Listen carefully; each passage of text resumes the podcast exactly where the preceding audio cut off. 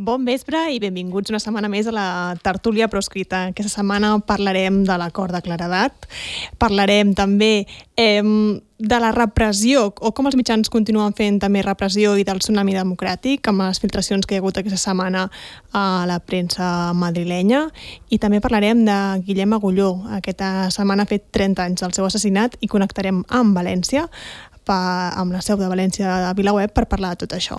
Eh, I com cada setmana ho farem amb el Bano Dante Fatxin. Bona tarda. Benvingut. I Josep Costa, benvingut. Bones tardes. Tot a punt? Tot a punt. Doncs Tot a punt. comencem amb la tertúlia proscrita.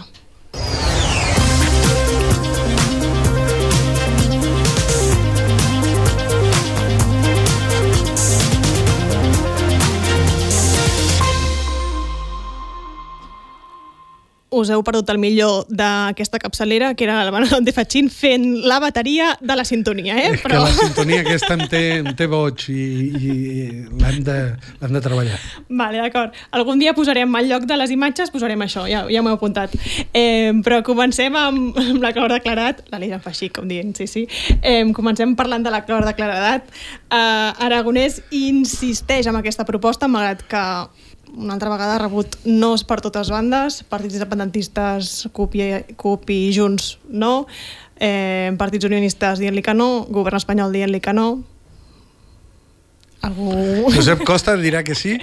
No, jo, jo crec que uh, agafaré una, una idea d'un comentari de Twitter que em va contestar un tuit que suggeria dir-ne uh, l'acord de teatralitat i jo trobo que està molt ben trobada aquesta idea perquè és tot teatre.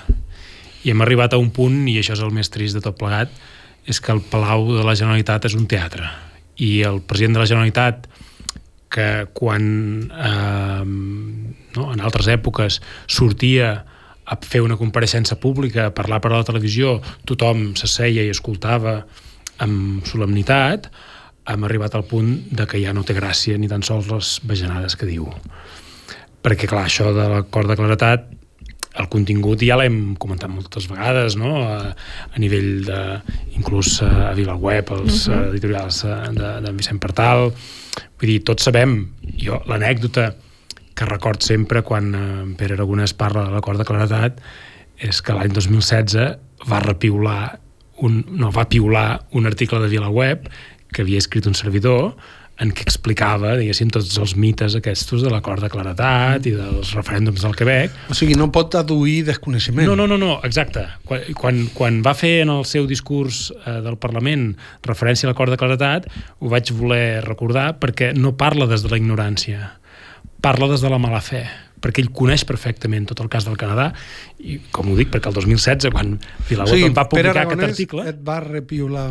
Pere Aragonès va piular i recomanar el meu article explicant eh, tota la qüestió del Canadà i el Quebec. Per tant vol dir que ell coneix perfectament que això de la claredat eh, és una estratègia unionista contra l'independentisme quebequès i ell ens vol vendre això com a solució per Catalunya? Clar, és a dir, tot plegat com que més sap que tot això no va enlloc, i a més eh, ell està en minoria al Parlament i en minoria dins l'independentisme, jo crec que més sol no pot estar en aquest assumpte, que tot és teatre per entretenir l'audiència fins que passin les eleccions i no, és a dir, és, és teatre per allargar el xiclet, per, per allargar eh, la, la, un govern que és un ànec coix, que, que ja no té mandat, que ja no té la confiança del Parlament, que, que ja no té projecte de país referendat per majoritàriament i, i per tant és el, el governar per governar, és l'ocupar el despatx per cobrar el sou. I tu el 2000... Perdó, eh? No, no, sí, sí, sí, digues. Tu el 2016 per què vas escriure un article sobre l'acord de claretat? Perquè és més vell que el anar a peu, tot això. Perquè Però qui ho havia pro- Iseta. Iceta. El 2016. Perquè crec que després eh, en Xavier Domènech ho ha proposat en algun moment. Comuns després ho van proposar no sé quin, quina època, però sí.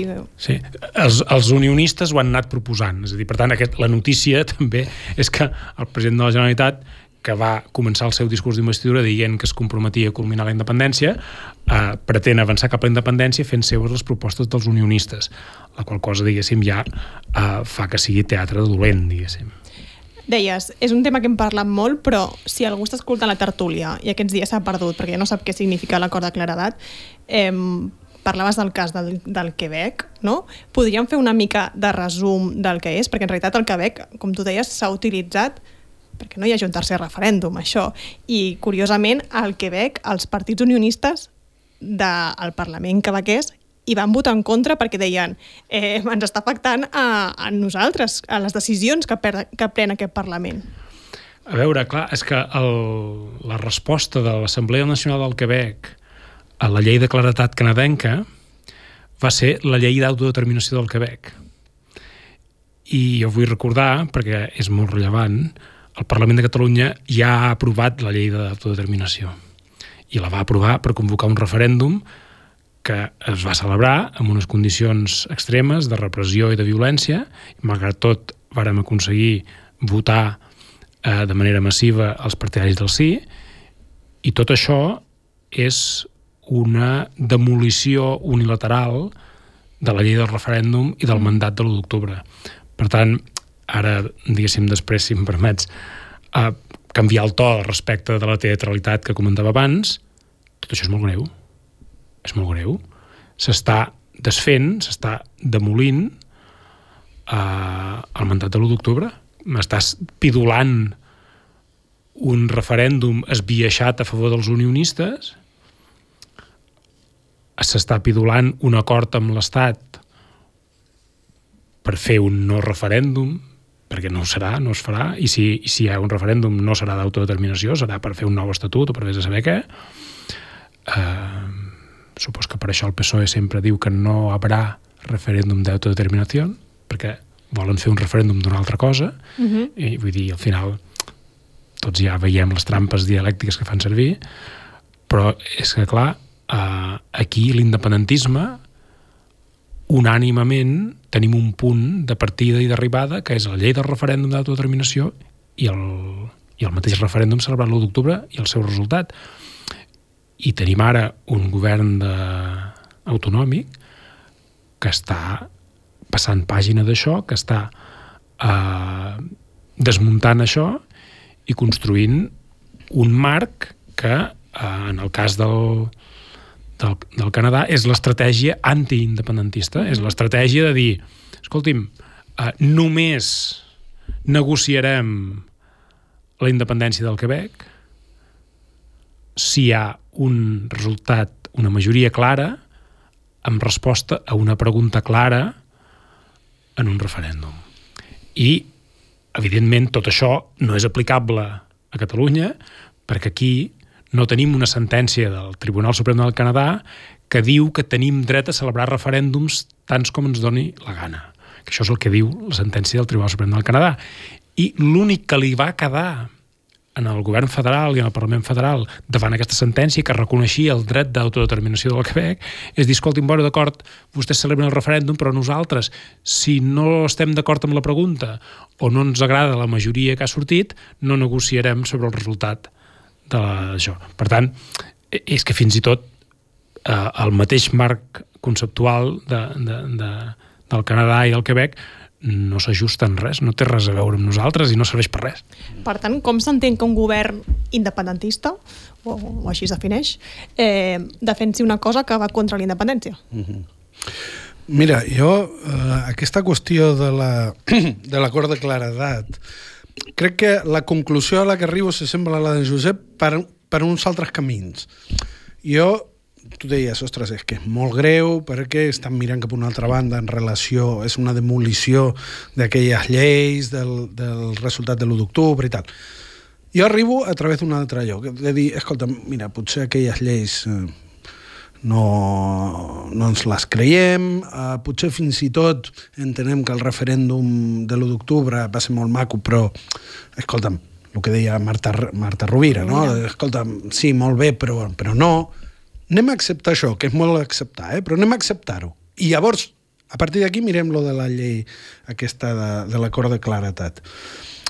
Clar, una de les crítiques que se li han estat fent a aquesta proposta és, escolta'm, això de pactar un referèndum amb Espanya ja sabem que no. Jo em vaig presentar a les eleccions del, 2000, del 27S del 2015 amb una formació que, que, que, que, que confiava en la possibilitat d'aconseguir uh -huh. això, de que l'estat espanyol...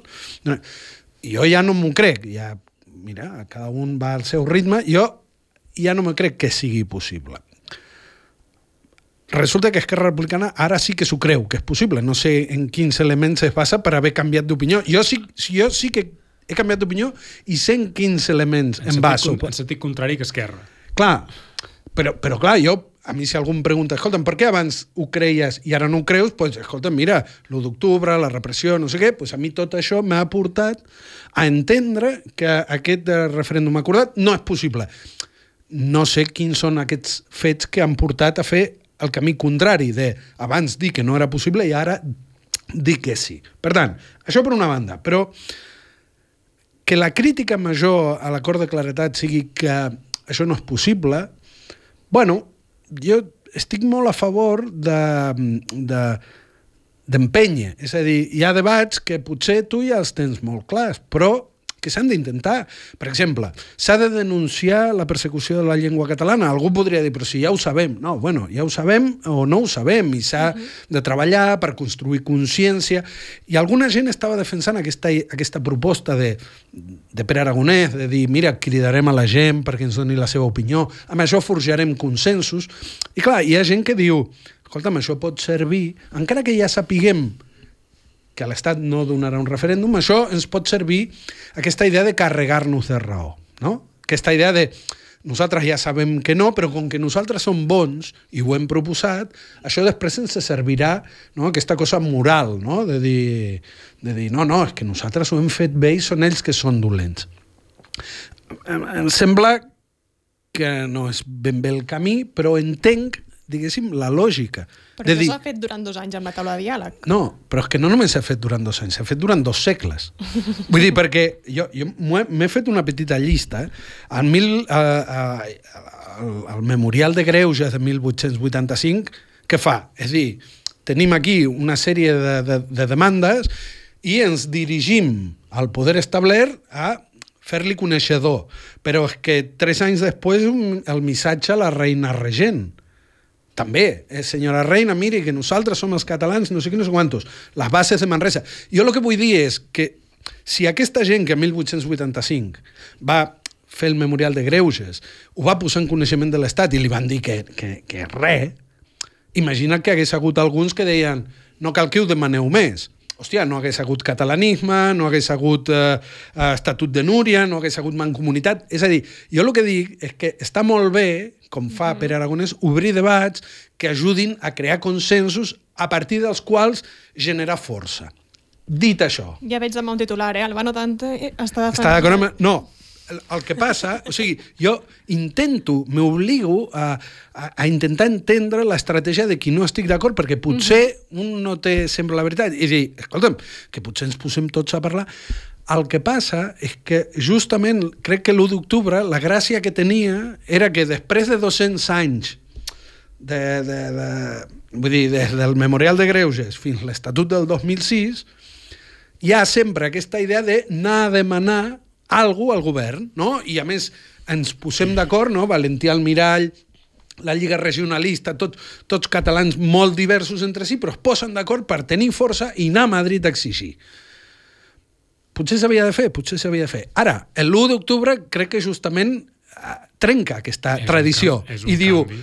escolta'm, no- nosaltres hem de fer el que hem de fer i ho hem de fer nosaltres. Vull dir, era, era la sobirania que, que ja deixaves d'acceptar una sobirania superior a la qual anar a demanar.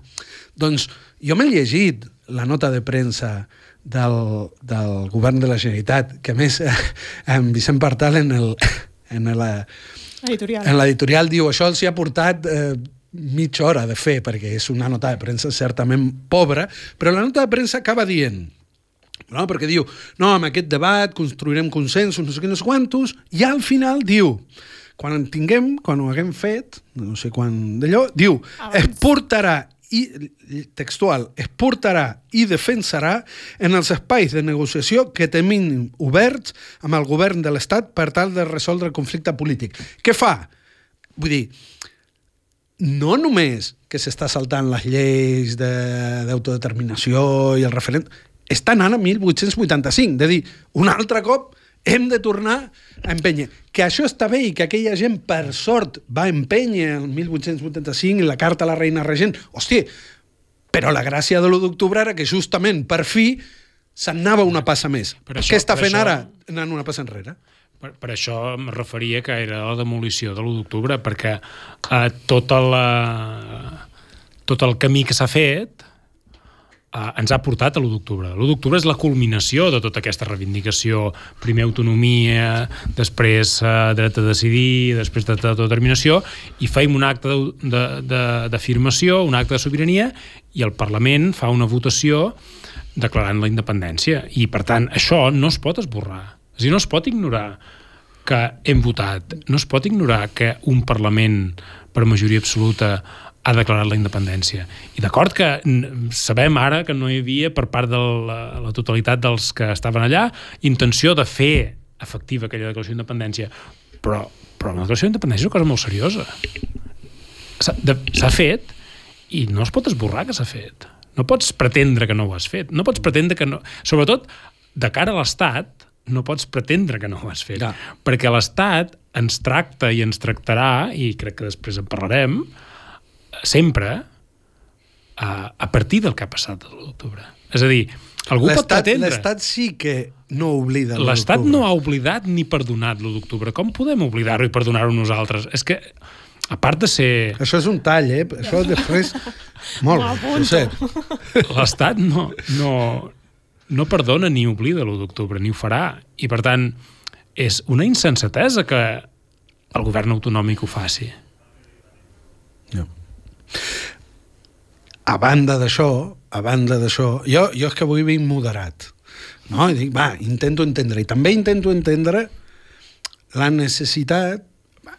Aviam, per Aragonès convoca per parlar de l'acord de claretat. Podria convocar per parlar de lo que sigui. Sempre és bo. Vull dir, una de les coses que molta gent troba a faltar és que les forces um, independentistes Tinguin un full de ruta, no, en i, realitat. i que s'ajuntin. Per tant, també intento obligar-me a pensar en positiu de dir, escolta'm, hi ha algú que està convocant. El que passa que, clar, si està convocant per... per, però per, justament per està trencant, Clar. perquè la unitat és l'1 d'octubre. Clar, per això, per això. L'última cosa que han fet els independentistes tots junts és l'1 d'octubre i la declaració d'independència. I el que fa aquí en Pere Aragonès és trencar unilateralment els consensos independentistes. Bueno, perquè no convoca a parlar de aviam què, convoca a parlar de com, de quin acord portem a l'Estat. Llavors, eh, està en, en, en la invitació mateix que t'envia, està dient, ah, i si t'estimes una mica l'1 d'octubre, no cal que vinguis, perquè venir aquí és justament negar això, no? Jo ho vaig escriure l'altre dia, tinc l'esperança i la confiança de que no hi vagi ningú.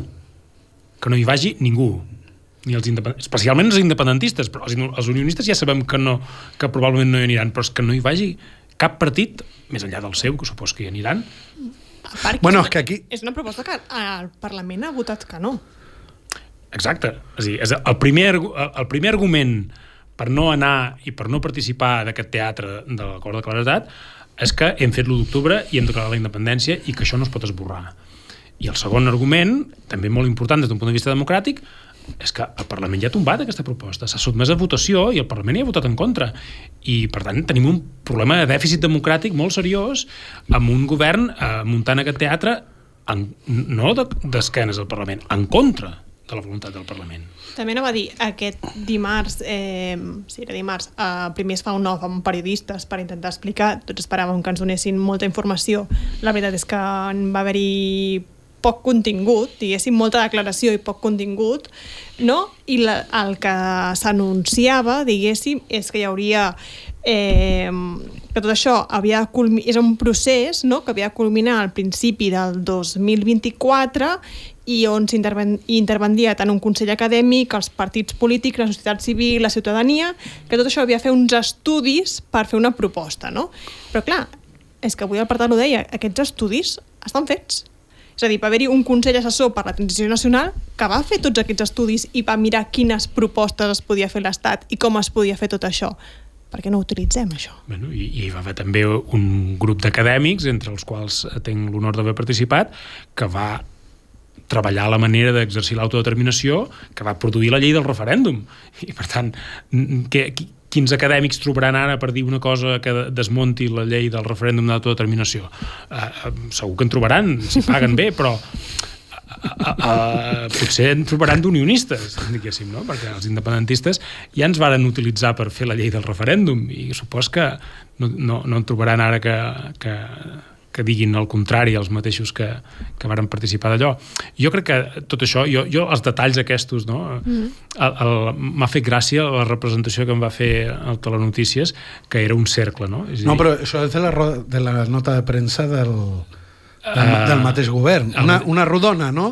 O sigui, és donar, donar voltes a un cercle, diguéssim. No pot estar millor representat. Ostres, això no, no ho tenim. Uh, uh, és, aquest donar voltes en cercle uh, és el que està fent ara.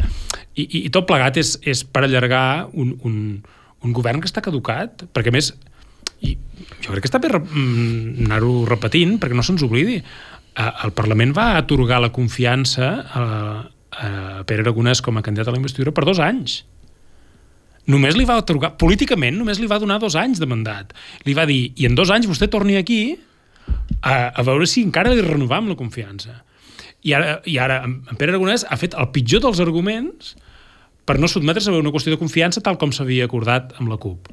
Que és dir, no, però és que com que la CUP ja no ens dona suport, ja no, ja, no, però escolti, si justament la CUP ja no li dona suport, amb més motiu vostè s'ha de sotmetre a una qüestió de confiança. No és motiu per no fer-la, és tot el contrari, és motiu per fer-la abans del que estava previst, perquè vostè ha perdut la majoria. Bueno, però clar, la, la base d'aquest pensament és que no hi ha una majoria alternativa. Uh, però dir, quan, ara mateix, però, però ara la, mateix la, la llei... Pere Aragonès pot fer això i... i... La, la llei preveu una cosa, un mecanisme perfectament establert quan eh, en el sistema parlamentari eh, no es pot constituir una majoria estable de govern, només hi ha una solució que és cridar les urnes, que ho solucioni vale, la gent votant. Dir, eh, clar, és, no, no, és una no, solució dir, política que... que... El, el, aquesta idea de que com que no hi ha una alternativa numèrica governaré jo sense tenir majoria, això és profundament antidemocràtic. Totalment. Hi ha prou no, no, no. d'aquesta història. És a dir, no, no, des d'un no, punt no, de vista no. polític... Ara, sí que és veritat, vull dir, tu moltes vegades dius, escolta'm, els independentistes estem a l'oposició. Tu has dit molt... O sigui, sí.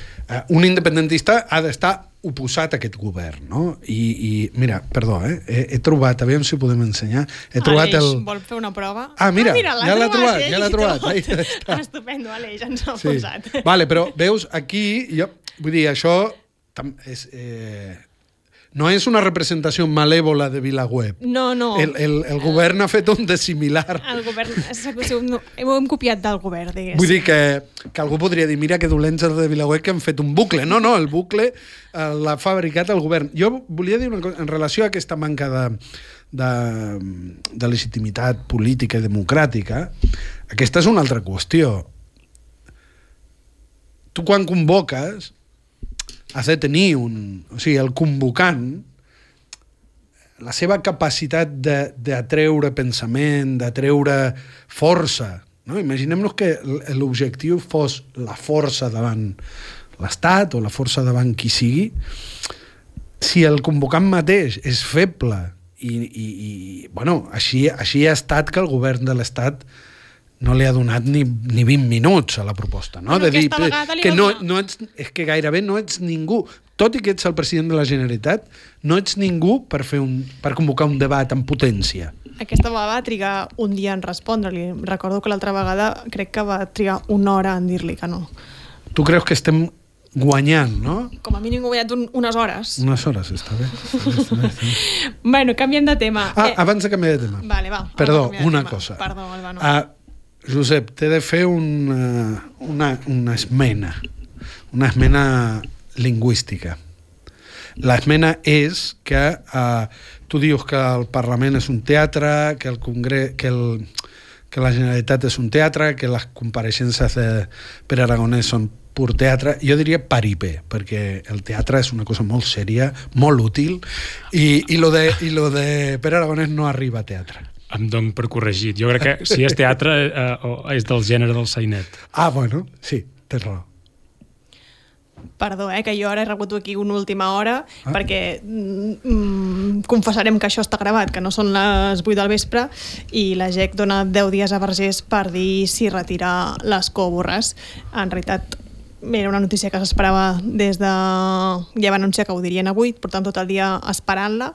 Eh, no podem aportar molt més del que hem parlat aquestes últimes dues setmanes sobre el tema Borràs, perquè en realitat ja sabem ara... Què ha passat? Què ha passat? Que me tens aquí... No, això, això, que la gent la... dona 10 dies. Ah, vale, vale, vale, vale. La novetat seria aquesta, que estàvem aquí tots pendent de què passaria amb la GEC, doncs això, dona 10 dies la setmana que ve segurament parlarem això perquè segurament això obrirà uh, què passa amb el Parlament, qui presidirà i tot plegat. Donar 10 dies vol dir que d'aquí 10 dies fora, no? Jo crec que el, el, el suspens en aquest tema és pràcticament no. zero, diguéssim. Uh, no, no hi ha cap novetat, no hi ha cap sorpresa i tot va segons el guió establert i el que uh, potser estaria bé ja, diguéssim, és que no s'allargui excessivament i, i arribem al final de, de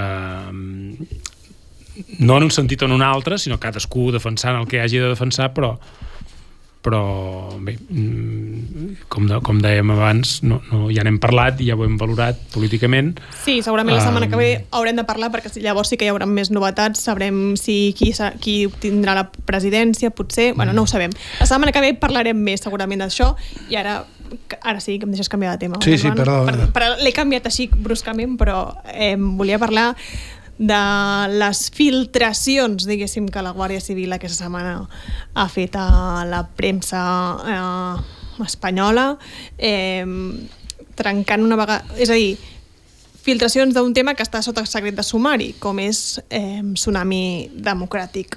Més enllà d'entrar en els detalls de les filtracions, que crec que no ens aporten massa res, eh, m'interessaria analitzar i parlar de com s'utilitza tot això per mantenir viva la repressió, perquè en realitat aquestes filtracions el que fan és això. Bé, de fet, eh, eh, crec recordar que eh, la secretària general d'Esquerra, eh, quan li varen retirar els càrrecs de rebel·lió i mm. d'alguna manera va quedar en la mateixa situació que estava en Clara Ponsatí abans de retornar des de l'exili, eh, li varen preguntar si ja tornaria i ella va dir que bé, és que potser tinc alguna causa per allà, que està secreta i no sabem què hi ha, i eh, eh, que d'alguna manera estava eh, perllongant el seu exili davant la incertesa de que pugui tenir algun altre eh, o pugui estar en el punt de mira d'alguna investigació policial o judicial. I jo crec que aquestes filtracions que hi ha hagut aquesta setmana juguen en això, juguen a la, a, a, a l'amenaça Eh, perquè, clar, al, al final mm, hem passat del periodisme d'investigació al periodisme de filtració, però això ja és directament el periodisme d'amenaça. No? És, és l'assenyalament de la gent a través de suposats eh, informes, suposades investigacions que ningú no coneix perquè presumptament estan declarades secretes i, i, i formen part de la, de la, de la maquinària de la por, que és el que eh, està fent servir l'Estat des de fa molt de temps per controlar el lideratge independentista. I el lideratge independentista està presoner de la pro, ara mateix no hi ha ningú eh, a la presó, però està tothom empresonat dins la seva por. Uh. -huh. eh, és normal que, un, que una investigació estigui en secret de sumari tant de temps? O també és part d'aquesta estratègia? jo crec que és estirar el xiclet, diguéssim, no? És, és l'estratègia aquesta de la por, no? I com més s'allarga, més més misteriosa és tot plegat, no? Per tant, més dubtes pot generar i més i com que aquí la por alguns ja l'alimenten ells mateixos, diguéssim, no? A vegades a, a, a, a, la gent que vol tenir por s'agafa qualsevol cosa per alimentar aquesta por. I, per tant, l'existència d'una causa secreta que ningú no en coneix el contingut eh, fa que tothom li doni el contingut que vulgui. I, de fet, eh, eh, jo crec que les filtracions de... No? I s'ha explicat, de fet, les filtracions d'aquesta setmana no diuen el mateix que les filtracions de fa un any sobre el mateix tema. Eh, això pot ser o bé que tot és mentida i tu va, i ho vas reescrivint, o bé que la investigació s'ha reorientat i allà on deia blanc ara diu negre, no? Uh, tot plegat, uh, jo crec que és, mm, no mereix que comentem el que diuen uh -huh. en si aquestes informacions, sinó eh, comentar una mica mm, la, la, el que representa eh, aquesta manera de fer i sobretot que existeixin mitjans que estan al servei de la Guàrdia Civil i de la CNI i de l'Estat eh, profund, no? De, que són estratègies de repressió, no, no són mitjans d'informació, són instruments de repressió. I bueno, això, déu nhi jo crec que déu nhi Jo, a la...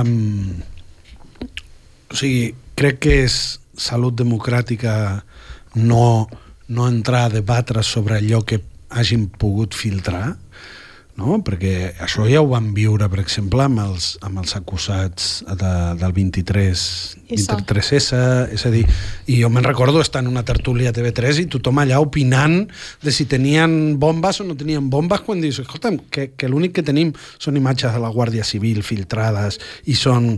Vull dir, uh, i, em, em, em, em sentia que s'estava col·laborant amb l'estratègia de la... Per tant, això, això primer. Ara bé, sí que crec que és interessant veure els mecanismes de...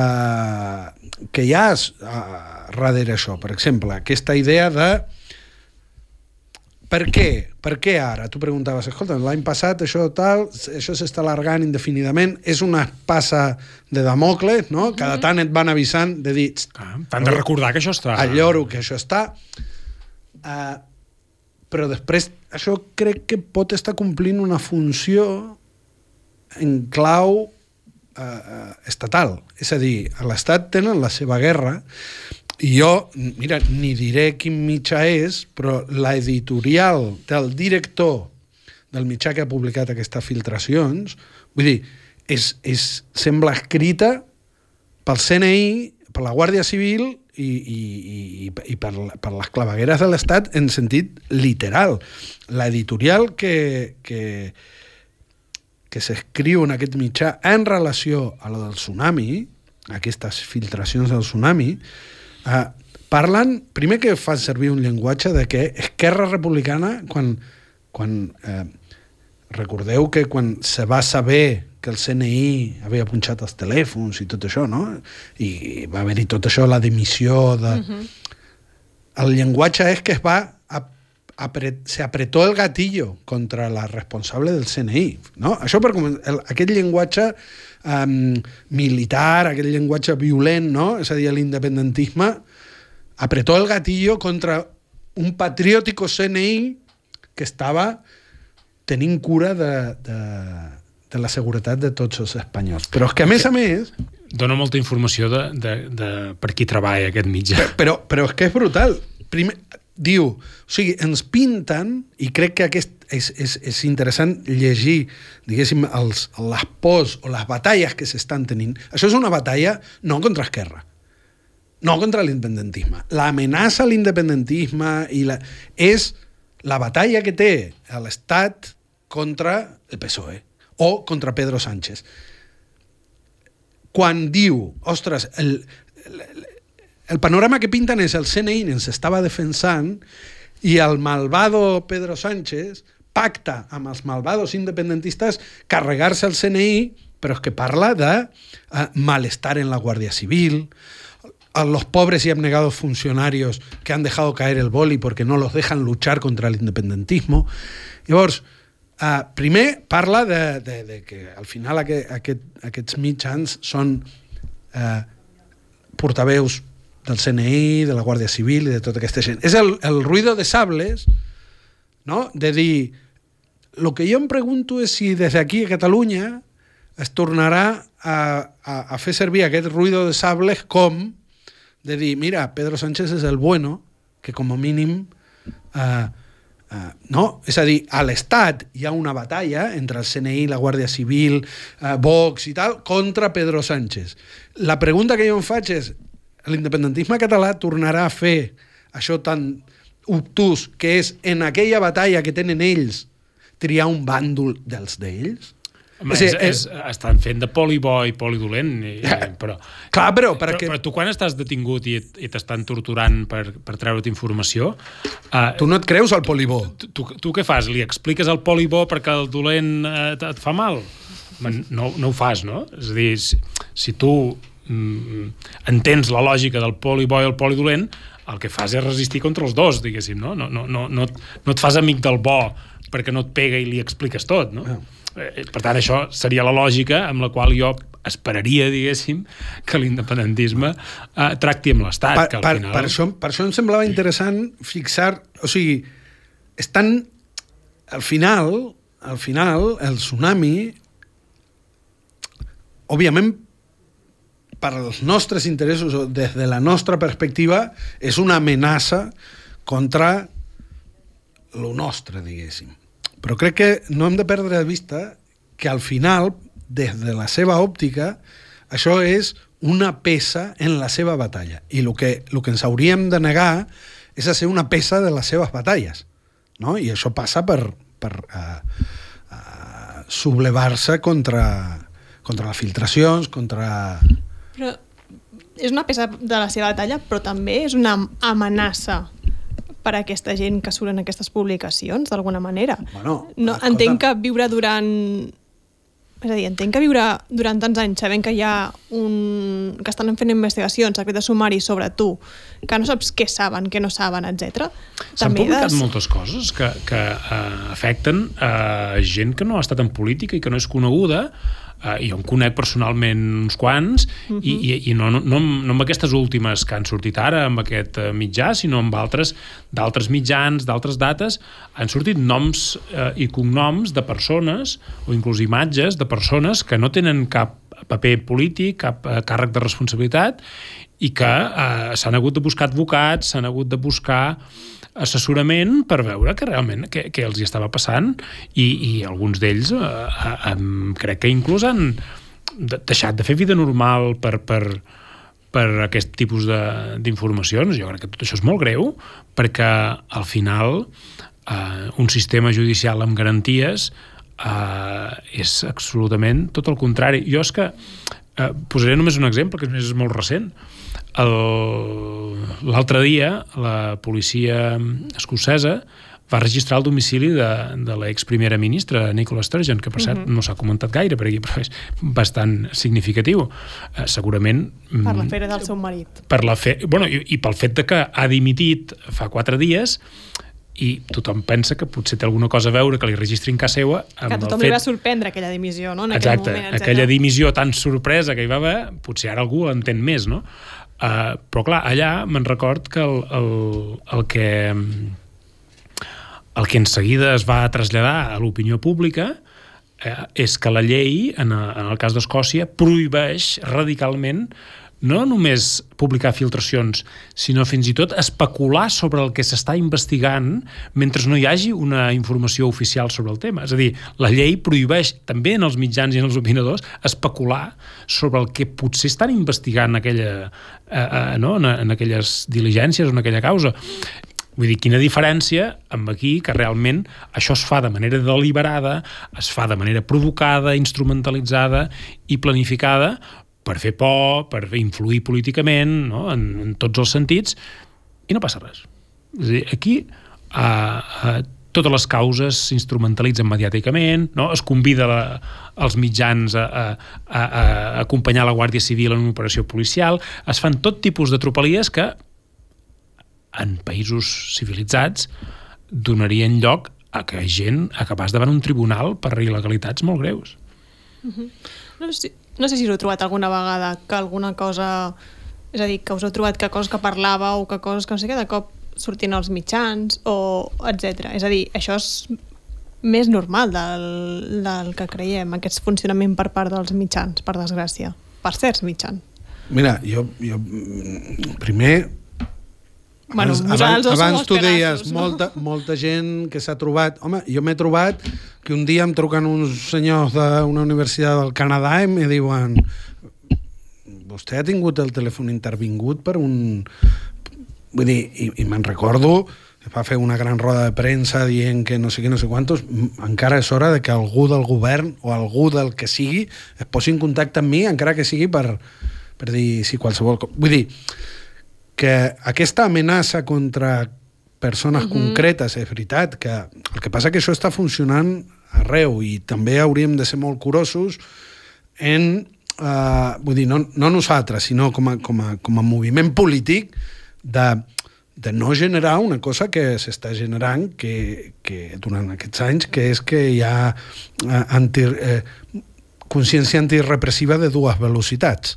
No? Mm. Que això... Què vols dir? Bueno, que, que, que efectivament, i tant, que deu ser terrible viure com Marta Rovira amb aquesta amenaça de que et puguin treure de manera... Bueno, que ja ho hem dit, que això és intolerable en qualsevol democràcia. Però insisteixo en la necessitat política de que, escolta'm, la gent del 27S, la gent de Girona de l'AVE, és a dir, hi ha molta gent en aquest mm. país que no només està visquent amb aquesta amenaça, sinó que està fent front. I això, uh, això també és una reflexió antirepressiva. Molt difícil de fer perquè, òbviament, davant la repressió cal tancar files, però també hem de saber pensar què fem contra aquesta repressió. Si aquestes amenaces, si, si això, aquestes filtracions, funcionen com a amenaces perquè l'independentisme s'aplaqui, bueno, serà perquè hi ha algú disposat a cedir a les amenaces. No, i, no dic que sigui el cas, eh, uh mhm. -huh. però... I, i, I jo crec que això que, que, que deia que preguntaves ara, no? si ens hem sentit d'alguna manera a, a, en aquestes circumstàncies, a, em porta a la cara B d'aquest disc, que és, no és que la policia o la Guàrdia Civil fabriquen una causa i després els mitjans representa que la publiquen i l'expliquen per amenaçar i per assenyalar, sinó que a vegades és invers, que és que a vegades determinats mitjans eh, publiquen una informació, publiquen una notícia, assenyalen algú i a partir d'aquí, a partir d'aquest assenyalament que fan uns determinats mitjans, després apareix una investigació judicial o apareix una ah, investigació policial. Que això ja... Dir, que això, però això també ha passat. Sí, sí. I, I a veure, sí, a mi, a mi per, alguna vegada m'ha passat que eh, algú, no en diré periodista perquè crec que la seva feina és una altra, eh, m'envia un missatge i em diu hem vist això que vostè ha fet uh, i en traurem una notícia. Vol vostè matisar o aclarir alguna cosa? I, clar, és evident eh, que això és a part de l'estratègia d'assenyalament i d'intentar fer por. El que passa que, escolti'm, jo a aquest senyor li vaig dir, miri, vostè publiqui que li doni la gana i si, si no és cert, vostè se, se tingui les conseqüències. Ja està. I, però és evident que aquest és, la, és el modus operandi del, del, del periodisme d'estat. Uh -huh. Jo ara, ara recordo que, clar, tenim, ara que anàvem parlant, jo recordo que un dia la, la meva mare em va enviar una notícia de la cadena SER uh -huh. on sortia jo enmig d'una operació uh, d'una investigació antiterrorista i, i ara, ara l'he trobat ja? el, el 2019, el novembre del 2019 no? I, i, i jo mai, mai he sabut res, mai he sabut d'on sortia, mai vaig saber per Però què jo estava al mig. Tenies, tenies el mòbil intervingut Tenia per Pegasus mòbil... en aquell moment d'aquella notícia. Eh, clar. Llavors, Casualitats llavors de la vida. la cadena SER eh, té Pegasus, o el que té Pegasus li passa la informació a la cadena SER, però aquesta indefensió, vull dir, el asalto del Parlament contaba con la bendición del gobierno catalán, pum, pum, y, y, y que no sé quién había hablado conmigo en un complot. Uh, no ho sé, sí, jo, certament fa sentir desprotegit, però a la vegada sembla que, de veritat, vull dir, és que potser cal assumir-ho, vull dir, el, el, els que si assumim el, la d'allò d'agafar un micro i dir mm -hmm. el, que, el que pensem i de tuitejar i d'escriure articles i de fer... Al final caldrà assumir-ho, que no vol dir ni normalitzar-ho, ni... però certament, i això és una altra cosa que, que s'ha deixat de dir, a Catalunya, per fer política, política de veritat, pues, eh, s'ha d'assumir... Un riscos. Un riscos. I, i, i això sí que se li pot, potser fins a l'octubre del 17 no se sabia. Avui sí que ho sabem. Avui sí que sabem que estan disposats a saltar-se vull dir... Eh... Segurament el, el, el resum de tot plegat, lligant una mica amb el tema anterior, és que si no estàs disposat a assumir riscos, no, no fas política, política, sinó que fas teatre. Bueno. Doncs mira, ara amb aquest tancament... Això, sembla... això també un tall per Twitter, eh, que es posarà... Avui m'està donant feina a l'Albano. Ja sé. em, Vull ser el community manager de la tertúlia. de la tertúlia. Li diré a l'Enric que li estàs traient la feina. A veure, i, i per acabar, diguéssim, l'últim tema que volíem tractar, com hem dit al principi, són uh, aquests 30 anys de l'assassinat, no a dir de la mort, però no, de l'assassinat de Guillem Agulló, i per fer-ho connectarem amb la seu de Vilaweb a València i amb la nostra cap de redacció, l'Esperança Camps. Eh, Esperança, benvinguda. Gràcies, bona vesprada. Esperança, volíem connectar amb tu per parlar una mica d'aquest símbol que és el Guillem 30 anys després, no? Eh, fins a quin punt el País Valencià va canviar eh, amb aquesta mort i amb el que va significar aquest assassinat? Eh, va provocar un, un canvi? Va provocar un canvi, sí, però un canvi uh, en, en, difer en diferents nivells i a diferents ritmes. És a dir, els joves, que eren com Guillem en aquells anys, com l'any 93, els joves antifeixistes que, eren, que podien pensar com Guillem, en seguida van notar que alguna cosa havia canviat en les seues vides, es van, no, no s'ho esperaven, es van trobar eh, enmig d'un desert molt gelat en aquell moment, però mentre ells patien això, la societat valenciana, endormiscada en aquell moment, eh, no, no, era, no era conscient d'allò que estava passant. Els mitjans de comunicació des de bon començament eh, no van tractar l'assassinat de Guillem com el que era, com un assassinat polític. Al principi va costar moltíssim que la gran majoria de la societat valenciana reaccionara a això i gràcies a que els joves antifeixistes, els joves maulets, la gent que en aquell moment vivia en els mateixos ambients que es movia Guillem, van començar a fer aquella saó, gràcies també, evidentment, a la família de Guillem, aquest canvi va començar a notar-se. I per això, en alguns moments, s'ha parlat de, de la generació de Guillem Agulló, que són els que, des de baix, han provocat aquest canvi en la societat i a poc a poc, a poc a poc, han anat convertint Guillem en el que és, que és un símbol de, de la resistència antifeixista, i han anat, com en paraules del pare de Guillem, en, pares de, en paraules de Guillem, han anat creant molts Guillems, no només al País Valencià, sinó a tot el país. Sí, no va dir, perquè jo no sóc generació Guillem Agulló, sóc generació de, després de Guillem, no? Però sí que som una generació que que tenim molt marcat el Guillem. Suposo que també obrim pas eh, i les seves cançons i les seves reivindicacions també el fan molt present a les generacions de després i les generacions de tots els països catalans, en realitat. El Guillem ja és un símbol de tot, de tot el país. Clar, clar.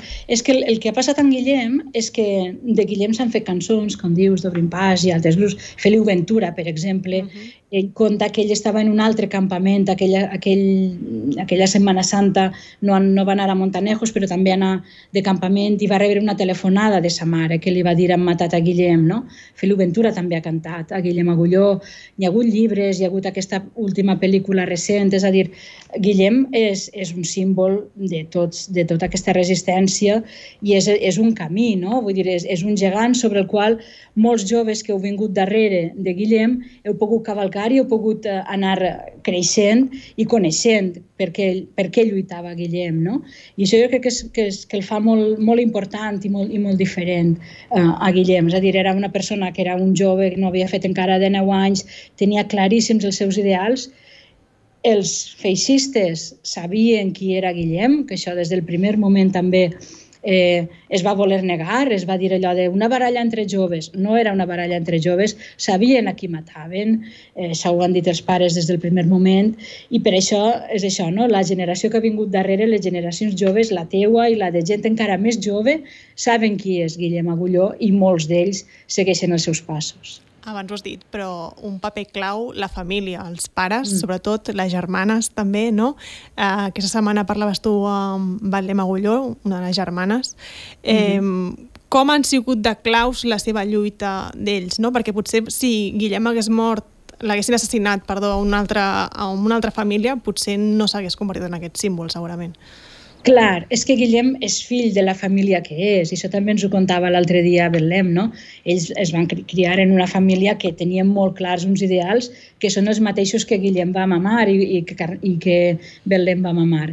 Eh, hi ha uns moments claus, de, poc després de l'assassinat de Guillem, quan encara els mitjans de comunicació, Canal 9, les províncies, quan encara parlaven d'aquesta baralla entre joves, n'hi ha dos moments claus. Un d'ells eh, és el pare de Guillem telefonant a Canal 9, a un informatiu en directe, per a desmentir que el seu fill eh, l'havia matat un altre jove en una baralla i ell diu, qui diu això no coneix el meu fill i allí eh, Guillem Agulló pare va, va, va posar una base de ciment grandíssima per a que la figura del seu fill no fora oblidada. I després n'hi ha un altre moment que encara fa posar més la pell de gallina.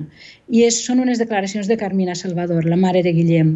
En unes manifestacions de joves ja reivindicant eh, l'assassinat de Guillem en les condicions que van ser, eh, la mare de Guillem va, va fer un missatge, va dir a, a la gent, si els vostres fills, si teniu por que els vostres fills vagin a la manifestació perquè els facin mal, no, no deixeu que vagin, però aneu vosaltres, aneu vosaltres a defensar el llegat de Guillem i a defensar el futur dels vostres fills.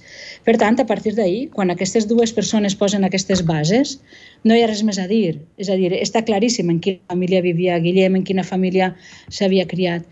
I de l'entrevista amb, amb Belém l'altre dia, n'hi ha una cosa que a mi em va cridar l'atenció, sincerament no la coneixia, me la va contar ella, jo li vaig preguntar, perquè ell, ell em contava la complicitat que tenia. En Guillem feia de germà major de, de, de Belém i ella li encantava que, el seu, que Guillem fos el seu germà major, contava que era el seu ídol i que inclús va escriure una redacció en l'escola explicant que Guillem era l'ídol que tenia. No?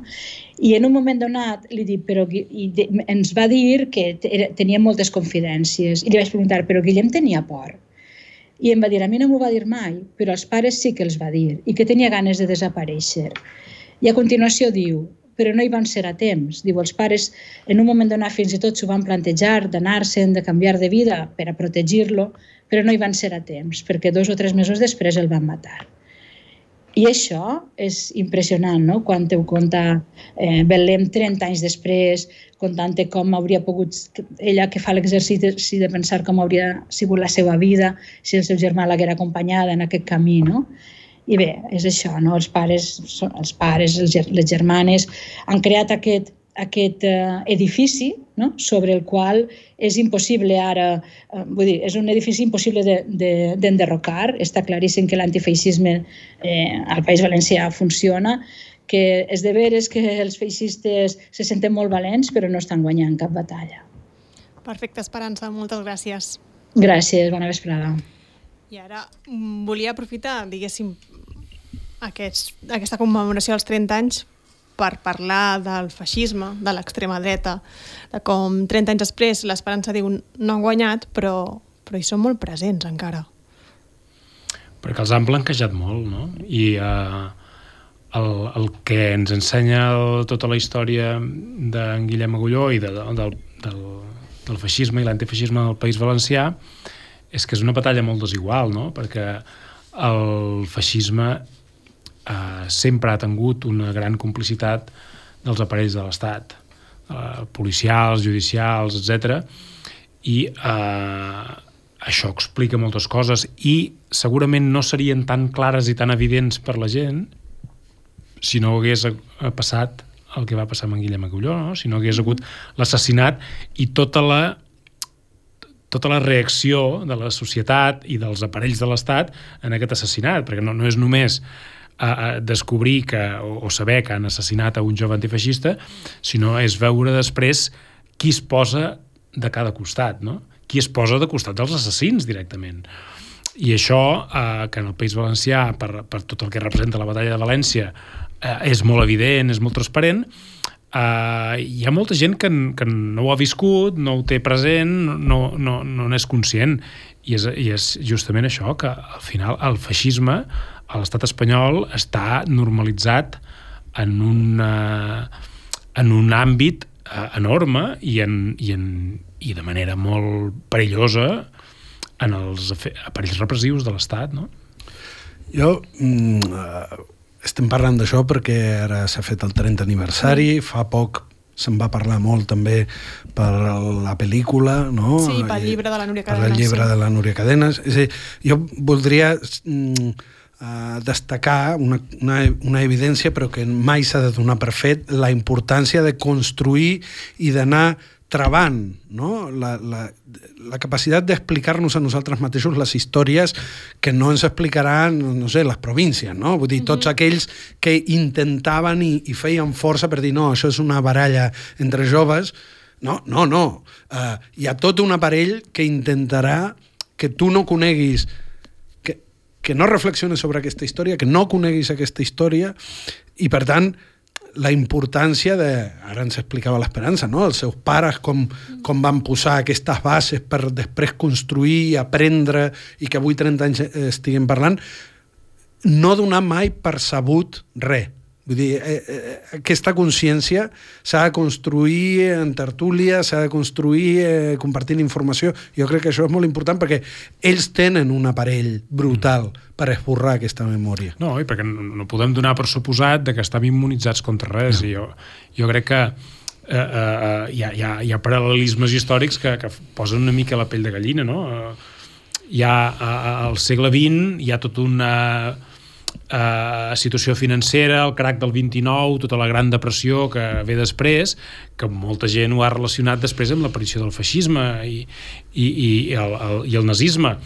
I és com en, en el segle XXI també tenim una gran crisi financera, una gran eh, eh, crisi econòmica i eh, pensant-nos tots nosaltres, segurament, que perquè havíem viscut o havia, havia existit la Segona Guerra Mundial, que el feixisme estava, diguéssim, condemnat sempre a ser una cosa estrictament minoritària i controlada, ens vàrem trobar que, que, que un senyor com Trump guanya unes eleccions als Estats Units, allà on no hi havia hagut, diguéssim, una experiència feixista.